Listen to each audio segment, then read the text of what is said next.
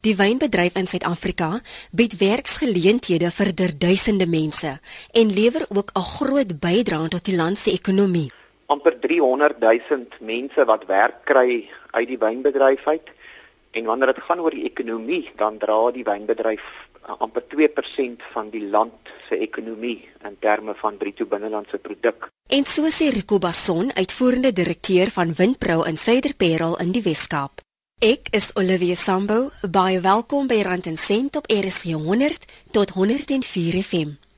In vergelyking met ander wynproduserende lande, drink Suid-Afrikaners min wyn.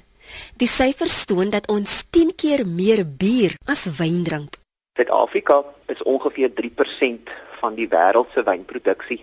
So is baie klein as ons dink aan Frankryk, Spanje en Italië, dan daai drie lande saam gee 52% van al die wyn in die wêreld. So ons kan nie kompeteer met hulle nie.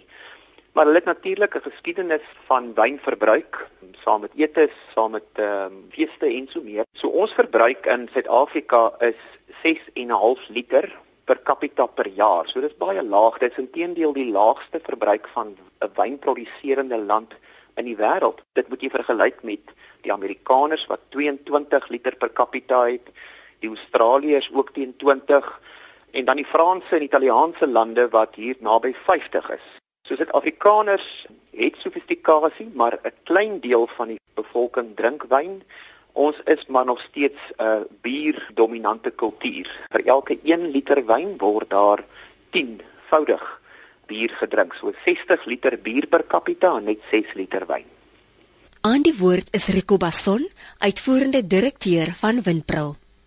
Hy skilder 'n prentjie van die geskiedenis van wyn in Suid-Afrika. Die wynbedryf is uh, 'n baie groot bedryf en ook 'n baie ou bedryf. As ek sê oud, dan Jan van Riebeeck het die eerste wingerdstokke geplant so 350 jaar in ouderdom.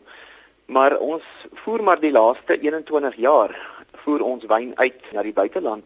Dikwels word 'n baie romantiese beeld geskep van die wynbedryf, 'n glas wyn voor 'n gevelhuis en die wanpersepsie dan nou is dat dit ook 'n baie winsgewende bedryf is gegee die prentjie. Die antwoord is nie noodwendig nie. Inteendeel, die bedryf sukkel met winsgewendheid nie net op sy produsentvlak nie, maar ook by sy kelders. Daar's 'n klompie redes daarvoor waaronder koste druk, waaronder die wêreldwye resessie en so meer. Maar net belangrik miskien vir die luisteraar, die bedryf is gesetel grootliks in die Wes-Kaap, maar ook in die Noord-Kaap. Ongeveer 100 000 hektaar dit maak dit 'n uh, baie baie groot bedryf in terme van Suid-Afrikaanse landbou. amper 300 000 mense wat werk kry uit die wynbedryf uit. En wanneer dit gaan oor die ekonomie, dan dra die wynbedryf uh, amper 2% van die land se ekonomie in terme van bruto binnelandse produk. So 'n belangrike bedryf in terme van werkskepping, belangrik in terme van uitvoere en ook die ekonomie maar die gemiddelde wynboer sien ongelukkig nie daai rooskleurige winsprentjie wat die gewelhuis uh, soms vir sinne beeld nie.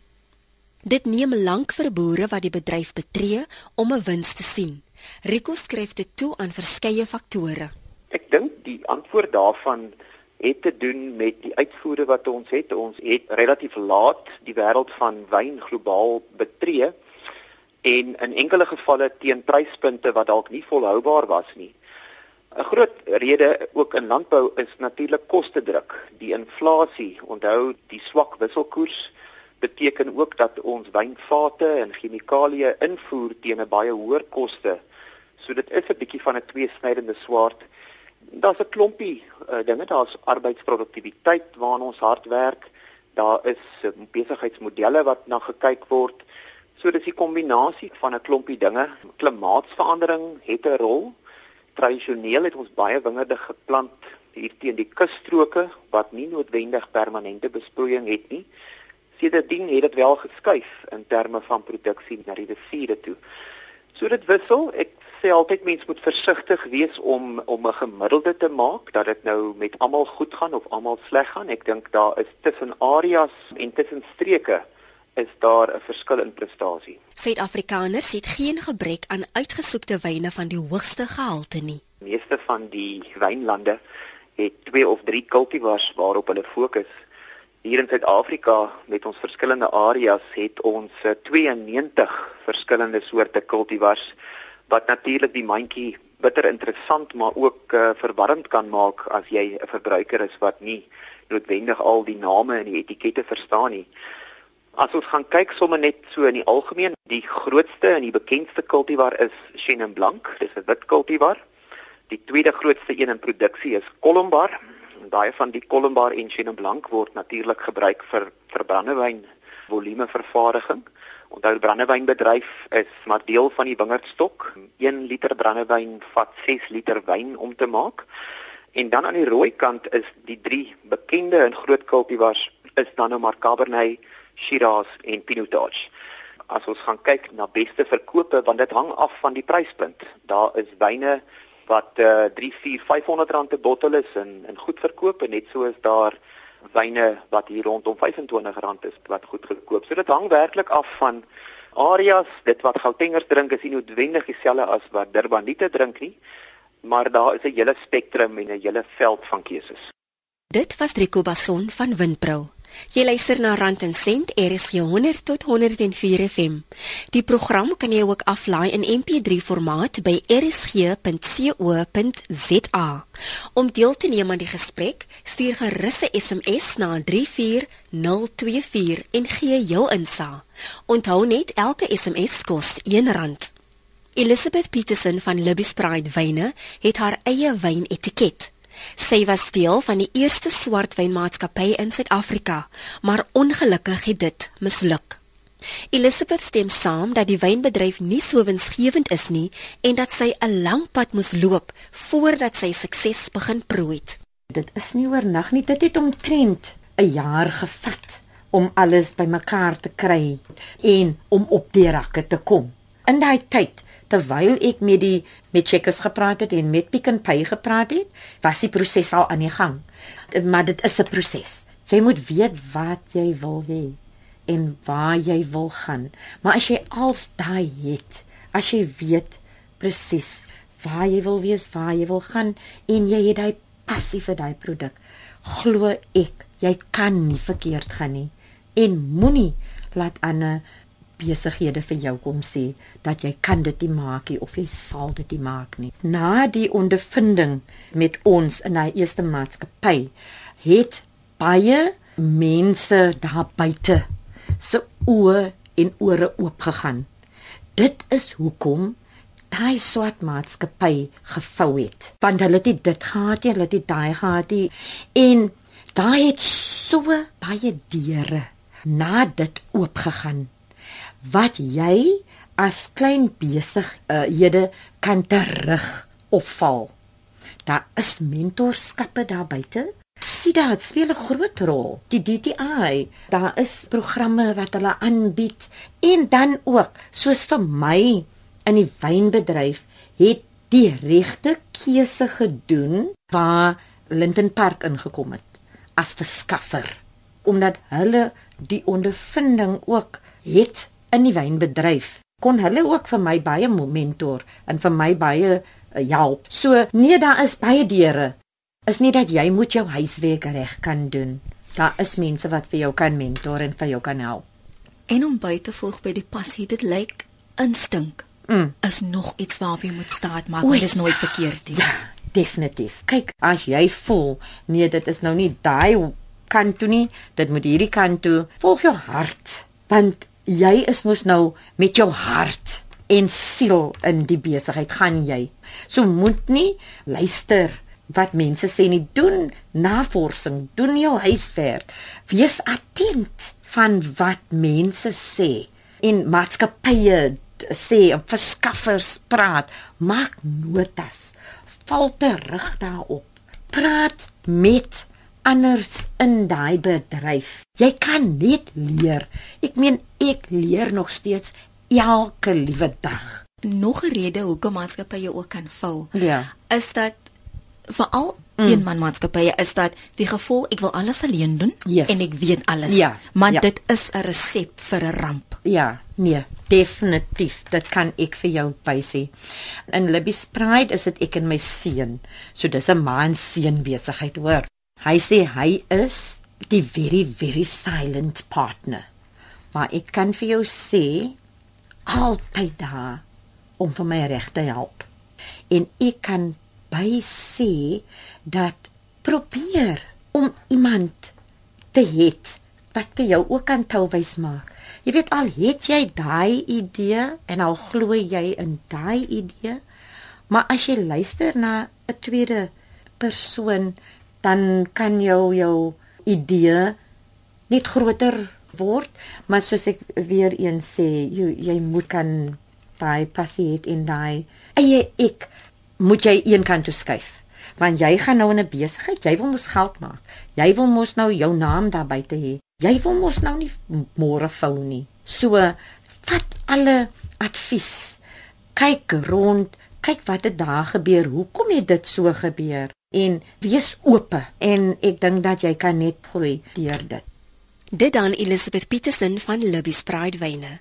Rico Basson van Windpro sê hulle het navorsing gedoen rondom die middelmark en hulle persepsies omtrent wyn.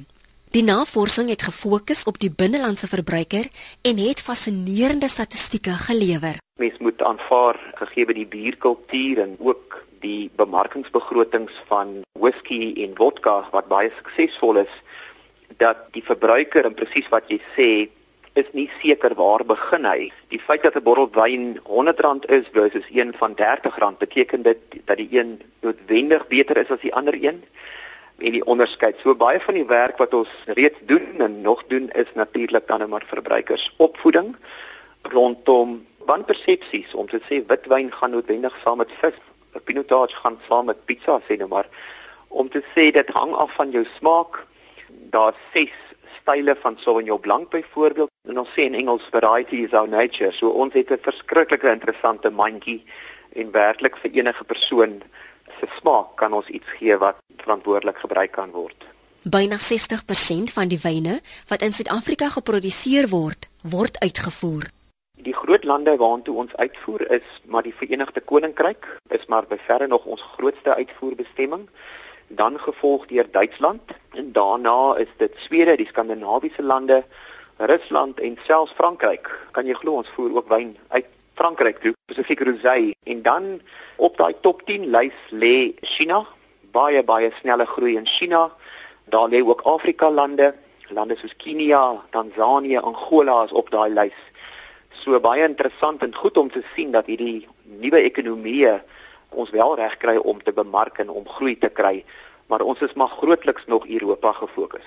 Hoe vergelyk ons in gehalte saam met die res van die wêreld? As jy kyk so byvoorbeeld na 'n Amerikaanse wyn in die Amerikaanse mark, hoe vergelyk ons saam met hulle? Ja, ons vergelyk uitstekend. En ek dink dit is miskien die groot uitdaging dat Suid-Afrikaanse wyn en wynmakers al vir 'n klomp jare produseer ongelooflike goeie kwaliteit ek dink die uitdagings is dat ons nie net moet gesien word as 'n uh, value for money land nie. Met ander woorde, waar almal omdat ons relatief nuut in die wêreld is, wil prysdalings sien of ons as land nie in die regte konteks wil sien nie. En om dit te staaf, daar word jaarliks internasionale wynkompetisies gehou en een van daai indekste is 'n wynskrywer wat 'n Parker indeks het. Nou ons wyne met blinde proe kry presies of selfs beter punte as wyne van ander lande soos Chili en Kalifornië. Die uitdaging is dat daai wyn vir dieselfde kwaliteit verkoop teen 10 keer meer die prys as wat ons wyn verkoop en dit vertel 'n storie dat ons net ons bemarkingspoging ook na moet kyk. Maar kwaliteit ongelooflik en ek dink die Suid-Afrikaanse verbruiker is eintlik bederf met 'n fantastiese kwaliteitreeks om van te kies. Rico is ook baie beïndruk met die innovering wat nou binne die bedryf plek gevat het. Een van die baie interessante goed op die stadium binne in die bedryf, dit het nie noodwendig te doen met 'n uh, jong generasie van wynmakers nie, is natuurlik innovasie. Innovasie in verpakking, 'n hele nuwe styl met lae alkoholwyne, meer vrugtige, um, sapgegeurde wyne dat 'n mens nie net die stereotype het van wyn moet in 'n 750 ml bottel wees met 'n etiket en 'n swart bottel nie, maar daar's soveel verskillende maniere waarbinne die produk en sy fasette ontdek kan word. Dit aan die woorde van Rico Basson van Winpro. Dis Rand en Sent op RSG 100 tot 104 FM en vandag gesels ons oor gebeure in die wynbedryf. Elizabeth Petersen van Libby's Pride Wyne deel die besigheid met haar seun. Ek wil by haar uitvind hoe hou hulle die balans tussen werk en familie? Familiebesighede. Dit kan ook 'n tamaletjie wees. Ja, ja, Want nee. Die dinamika is baie anders as Mm. wanneer vreemdelinge bymekaar kom. Mm. Dit was maar nou net omdat ons koppe bymekaar gesit het van die eerste plek af. Koppe gestamp ook. Jy weet dan die een wil nou nie ingee vir die ander een nie en en daai tipe ding. Kyk, ons is maar net twee. Maar dan kry jy van ons maatskappye wat baie meer het van die familie. En dan gaan dit maar 'n bietjie dol. Dan moet jy 'n board of directors hê en die ene wil die daar wees en daai ene wil die daar wees en so nie. Maar ehm um, soos ek in in my seun, hy werk vir 'n baas. Ek bestuur die maatskappy, maar ek deel alles. Want dit klink asof daar moet duidelike grense wees. Mm. Want in die werksplek is jy nie ma en seun nie, Mm -mm. maar dit hang af van die posisie wat jy beklee. Ja, ja, definitief. Ons is in 'n 'n close corporation, so ons is albei direkteure, maar ek doen die werk. Ek doen alles. Hy's net daar vir wanneer ek nou advies nodig het. Jy weet ek sal nou die foon optel en sê luister, ek is nou nie gelukkig met dit of dat nie. En hoe voel jy? Wat sê jy? Dan sal ek luister. As ek gelukkig is oor die antwoorde wat ek kry nie, dan val ek terug op my verskaffer. En dan sal ek nou sê, luister, kan dit so werk of kan dit so werk? En dan sal ek terugkom. Maar kommunikasie moet daar wees in 'n maatskappy. Elizabeth is oortuig dat die gebrek aan kommunikasie in die vorige maatskappy een van die hoofredes was hoekom dit misluk het. Ek was die enigste vrou met sewe mans. En die mans het mos toe mos nou gedink dat hulle ja, boek gewys is hulle geletterd. Hulle het mos nou dit geken uit die boek uit. En wie's ek dan nou? Jy moet onthou jare gelede toe ek jonk was en van die skool af gaan toe gaan ek maar as 'n teevrou werk vir 'n maatskappy.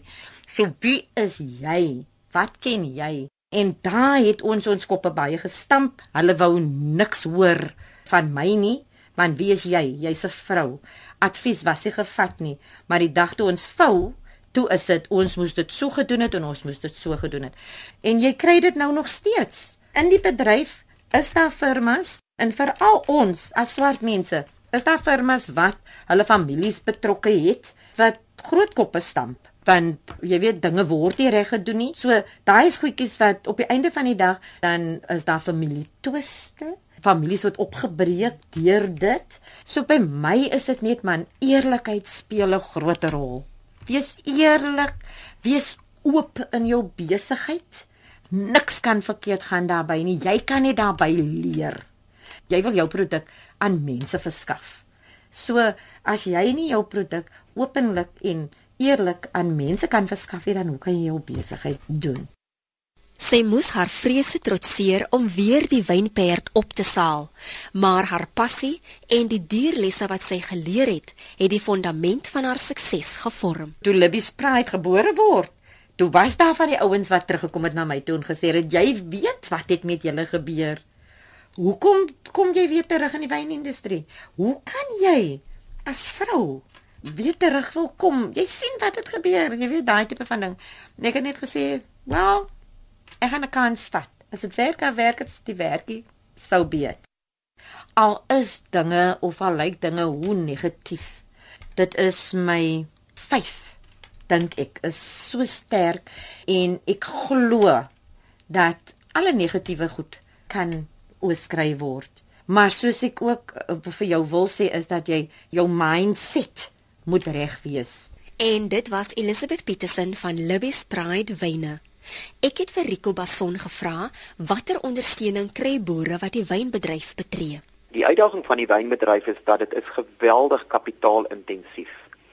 As 'n mens nou daaraan dink dat jy plant 'n wingerd en die wingerd se lewensduur is 20 na 25 jaar, nou om daai wingerd te plant kos jou in vandag se terme meer as 200 000 rand.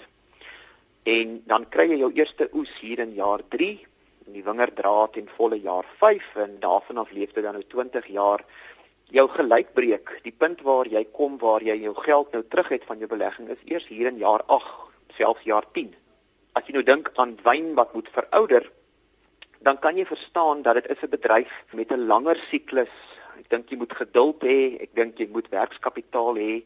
Ja, daar is rendement, maar dit is 'n baie langer termyn bedryf. En ons werk baie hard aan 'n klomp projekte, onder andere ons bemagtigingsprojekte. Ons het 'n klomp wynmakers van kleur, ons het 'n klomp maatskappye wat besit word deur persone wat bemagtig is, die black owned brands soos ons hulle noem, wat baie suksesvol is en baie goed doen, maar dit verg goeie ondersteuning om dit reg te kry. So ja, dit is 'n is 'n kapitaalintensiewe bedryf en dit is belangrik om dit in ag te neem. Wat is die vooruitsigte vir die wynbedryf in Suid-Afrika? Ons dink daar's baie uitdagings. Ek dink landbou in die algemeen het baie beleidsonsekerheid waarmee hy moet deel. As deel van ons nuwe strategiese plan kyk na 'n klomp dinge wat ons in Engels van noem game changers. Ons sal moet ons markte winsgewend groei binne drie spesifieke kontinente. Die een is China, die een is die Afrika lande, vyf lande in Afrika. Dit is immers ons agterplaas en dan ook Amerika. En dis drie lande daai wat ons groei en ons volume relatief klein is, maar daar lê baie waarde vir Suid-Afrikaanse wyn uitvoerders in daai markte. En dan natuurlik die wyntoerisme mark en die binnelandse mark. Wyntoerisme is 'n enorme bedryf en 'n baie belangrike deel van spesifiek hoe ons kleiner spelers dan nou hulle modelle ontwikkel het.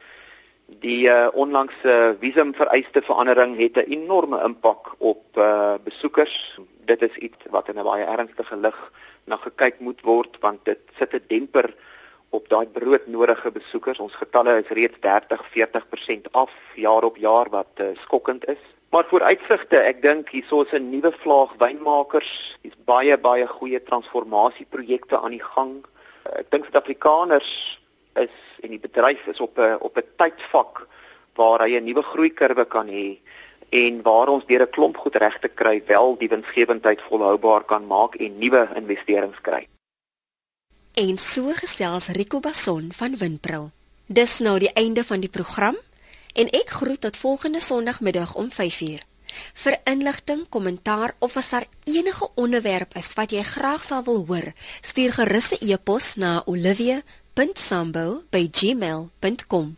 Totsiens van my Olivia Sambo op Rand en Sent, RSG 100 tot 104 FM.